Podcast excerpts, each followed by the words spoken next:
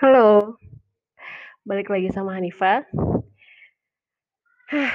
Akhir-akhir ini lagi sering hujan di Depok dan kayaknya di mana-mana di Indonesia memang lagi sering hujan, banyak ya ada daerah yang kena bencana alam, banjir dan lain-lain.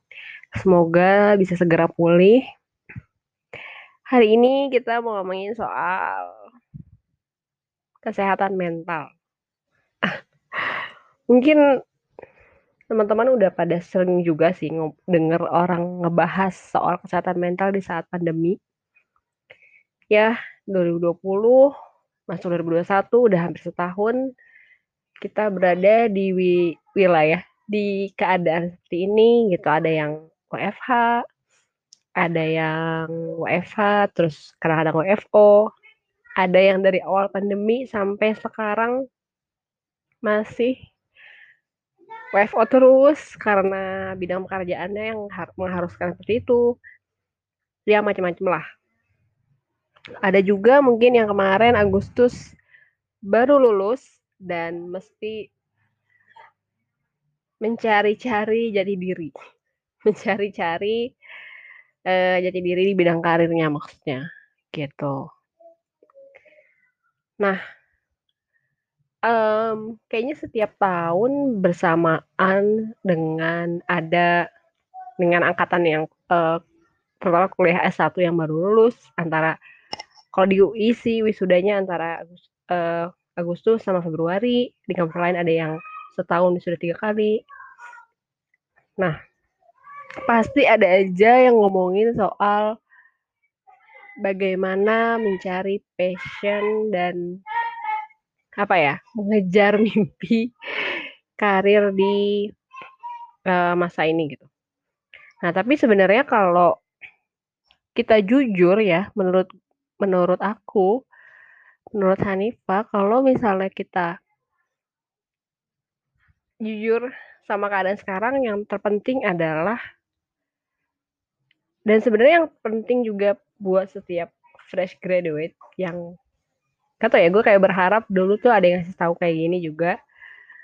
Uh, seperti omongannya Oliver Berkman seorang jurnalis yang waktu itu aku baca di artikelnya The Guardian dia bilang kalau yang penting itu kita bukan nyari apa yang bikin kita senang atau bahagia karena hal itu bisa berubah seiring waktu kata dia gitu. Tapi yang penting adalah apakah hal ini bakal bikin kita berkembang atau enggak. Jadi kayak ketika misalnya kamu nyari kerjaan, apakah kerjaan itu bakal bikin kita belajar banyak hal yang lebih banyak selain dari urusan angka gaji bulanan ya. Apakah kerja ini bakal membantu kita berkembang atau enggak? Kayak gitu. Tapi gue juga yakin kalau misalnya ada segala sesuatu tuh ada masanya. Kebetulan akhir tahun kemarin, akhir tahun 2020 kemarin, aku baru aja resign dari tempat kerjaan. Ya dengan ya karena alasan-alasan tertentu. Dan itu sebenarnya um, sebuah hal yang emang udah dipikirkan dari lama sejak sebelum pandemi itu kan mulai ramai di Indonesia tuh Maret ya. Sejak sebelum Maret 2020 juga sebenarnya udah sering mikir kayak maju mundur maju mundur. Uh, kemudian pada akhirnya benar-benar ya udah kontrak kerja habis terus nggak nggak memperpanjang lagi gitu. Uh, itu nyesel sih. itu agak-agak menyesal karena uh, nyari kerja itu susah ya. Maksudnya dari dari dulu juga nggak pernah gampang ya cuman di masa pandemi ini bahkan hmm, apa ya karena kan aku sebelumnya itu hampir kerja tempat sebelumnya itu kurang lebih setahun ya. Dari sejak lulus kuliah langsung di situ. Bahkan kita yang udah punya pengalaman kerja aja dapat kerjaan baru lagi itu susah. Apalagi buat yang fresh graduate. Jadi aku mikir kayak Hmm, ya memang begitu mau gimana lagi tuh. Kadang-kadang emang ada hal-hal yang satu-satunya cara supaya kita bisa ngerasa istilahnya apa ya pikiran kita tuh damai tentram itu ya emang cuma dengan menerima keadaan gitu menerima keadaan bukan berarti misalnya cari kerja susah udah ngirim berapa puluh lamaran belum ada yang nyangkut bahkan belum ada yang uh, minta buat minta nih belum ada yang mengajak kita untuk wawancara gitu. Bukan berarti terus jadi berhenti nyari kerja cuman ya udah dijalanin aja gitu. Karena iya mungkin klise tapi ya semua orang juga ngerasain kesulitan yang sama semua fresh graduate. Apakah uh, mungkin kalau orang-orang yang dari kampus lulusannya kayak kayak aku gitu lulusan dari UI mungkin akan punya akan bisa lebih dilirik tapi itu nggak menjamin juga bahwa pada akhirnya dari beberapa yang misalnya ngewawancara terus akhirnya dapat di tempat yang benar-benar sesuai sama idealisme yang kita punya. Karena kita ya manusia berusaha tapi hasilnya kan Allah yang menentukan gitu. Apalagi kalau misalnya kalau misalnya kita ngeliat kayak ini agak agak belok sih tapi kayak misalnya kalau kita ngeliat apa yang ada di media sosial gitu. Nah, kemarin sempat ada kasusnya Raffi Ahmad yang habis divaksin terus ketahuan kalau dia berada di sebuah acara gitu ya terus orang-orang heboh di media sosial. Ada yang mengkritik ada yang mendukung fans-fansnya Raffi dan teman-temannya. Cuman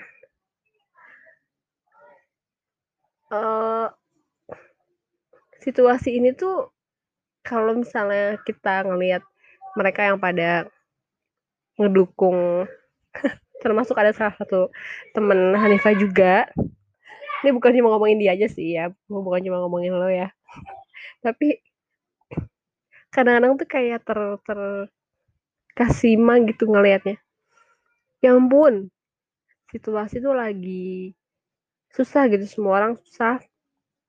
Walaupun pastinya tingkat kesulitannya berbeda-beda ya uh, dalam hal ekonomi gitu ada yang benar-benar susah banget sampai buat kebutuhan dasar aja susah. Ada yang yang dia maksud dengan kesusahan adalah nggak bisa belanja belanja baju tas kayak biasanya gitu.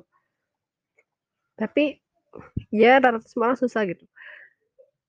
Cuma anehnya kita masih punya energi buat ngurusin hal-hal yang nggak penting untuk membela orang-orang yang tidak perlu dibela gitu. Seperti misalnya Raffi Ahmad. Ya, ya in my opinion dia tuh nggak perlu dibelain sama fans-fansnya. Karena ya kalaupun misalnya gitu ya namanya orang kan bisa aja gitu kalaupun misalnya dia misalnya sakit dia masih bisa dia punya banyak sumber daya untuk bisa segera berobat gitu. Berbeda dengan fans-fansnya yang segitunya ngebelain dia. Ya kalau misalnya kalian sakit Raffi Ahmad juga nggak bakal tahu dan kalaupun tahu juga ya udah. Kita harus mengurus diri dan keluarga masing-masing gitu ya. Like chill guys.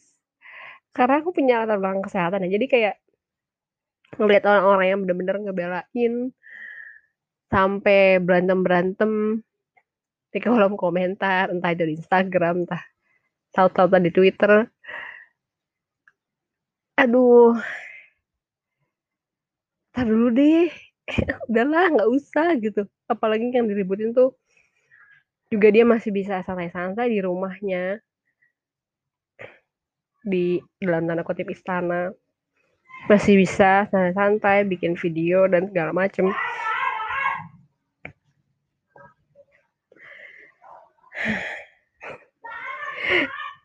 I feel like eh, kadang-kadang gue juga ngerasa kayak uh, kenapa sih kok kita pas pandemi itu malah suka ngeributin hal-hal yang nggak penting?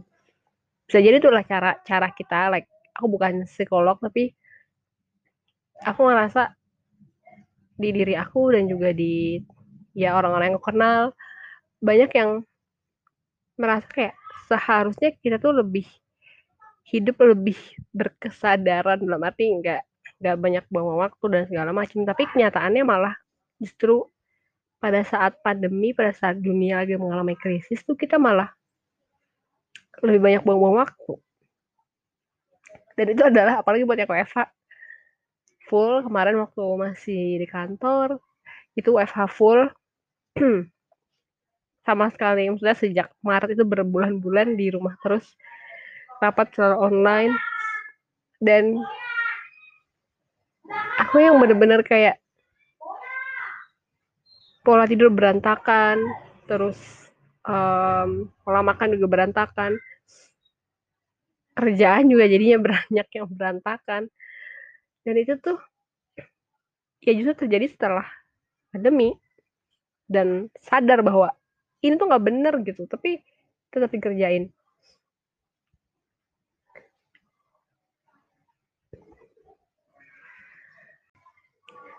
kadang-kadang kita jadinya kayak membuat banyak alasan dengan menggunakan istilah-istilah pada zaman sekarang yang fancy kayak ya semua orang kan ada masanya masing-masing semua orang punya progresnya masing-masing. Dan itu nggak salah itu nggak salah. Cuma ketika memang kayak kamu sadar kalau kamu tuh memang lagi males ya aku aja kalau kamu males gitu. Nggak ada cara lain untuk memperbaiki tidak baik untuk kesehatan baik fisik maupun mental. Kayak selama pandemi ini kalau aku ngerasa memang aku tuh kayak menurun dari segi kesehatan dari segi fisik dan juga dari segi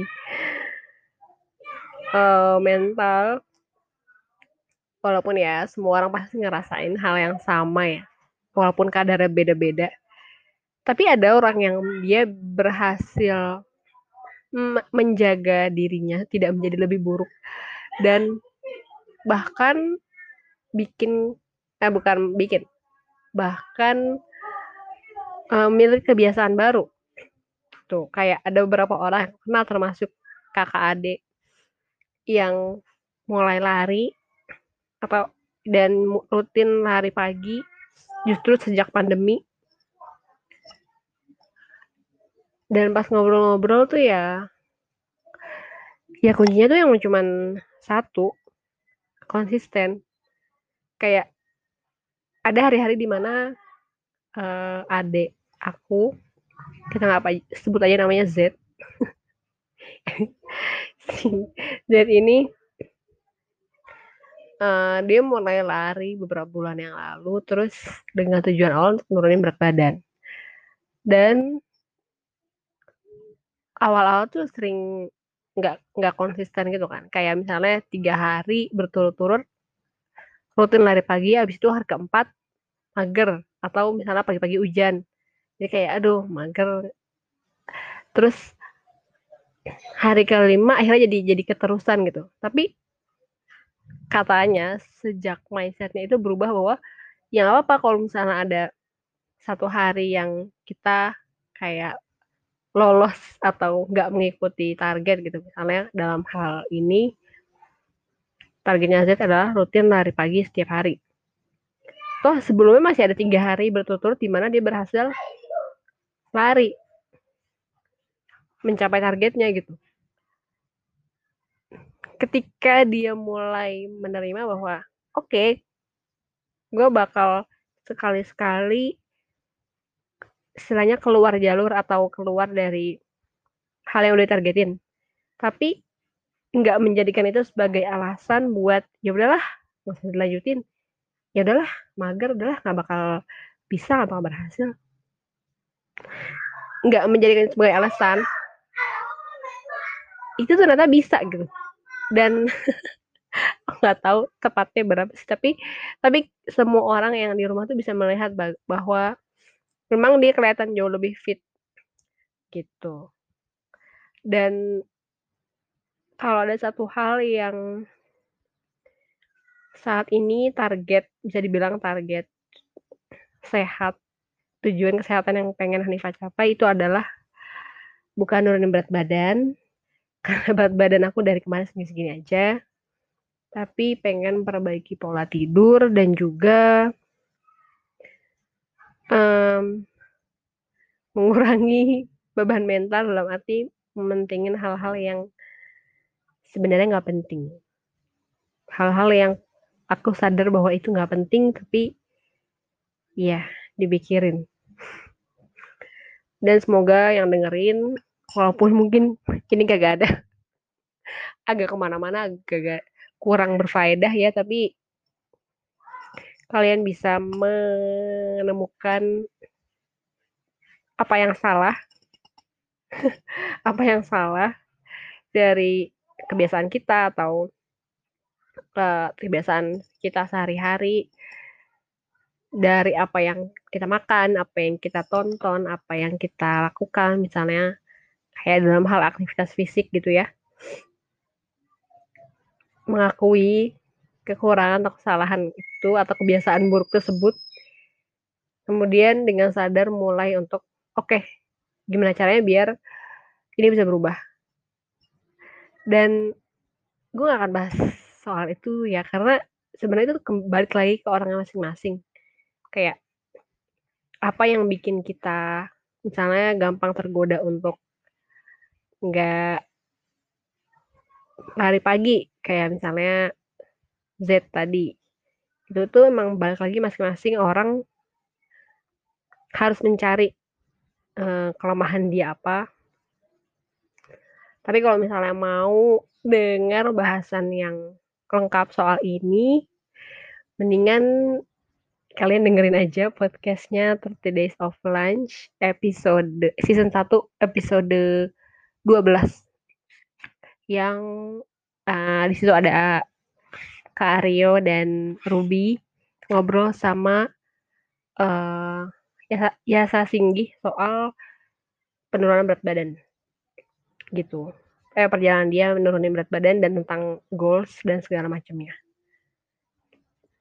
You know, karena sekarang aku nggak punya sesuatu yang belum punya sesuatu yang bisa diceritain.